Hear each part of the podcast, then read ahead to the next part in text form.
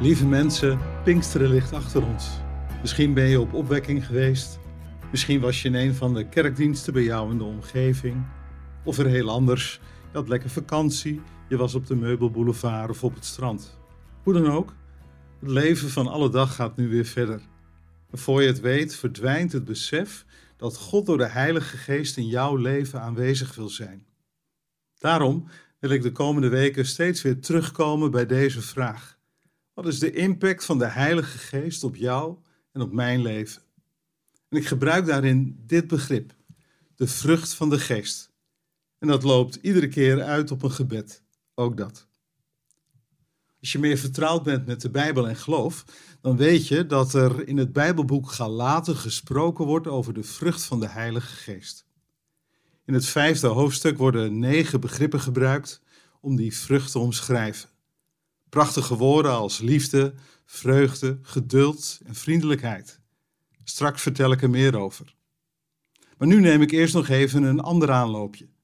Want als je dat vijfde hoofdstuk zou lezen, kom je ook andere woorden tegen, een soort reality check. Er staat dit. Het is bekend wat onze eigen wil allemaal teweeg brengt. Ontucht, zedeloosheid en losbandigheid, afgoderij en toverij, vijandschap, tweespalt, jaloezie en woede, gekonkel, geruzie en rivaliteit, afgunst, bras en slempartijen en nog meer van dit soort dingen. Dat is toch wel een heel ander verhaal.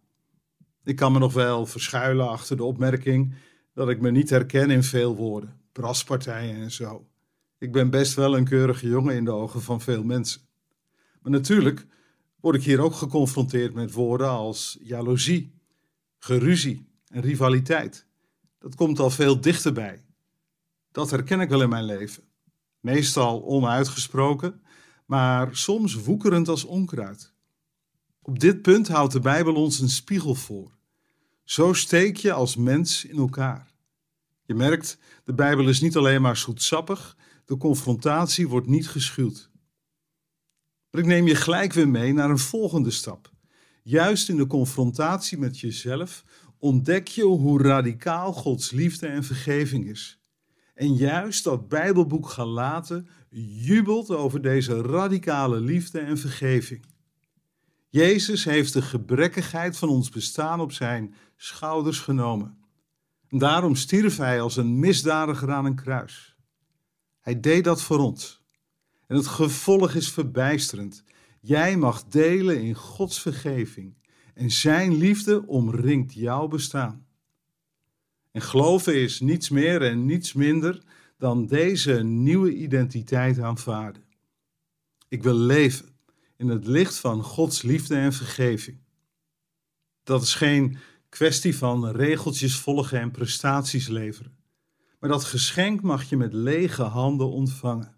Een en al genade zeggen we dan in de wereldwijde kerk. Hoe bijzonder is dat? En dit fundament van genade maakt alles anders. Dan spreekt dit Bijbelboek Galaten over de vrucht van de Heilige Geest.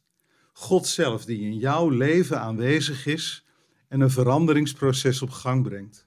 Een groeiproces. Hoe dat eruit ziet? Je groeit in deze woorden.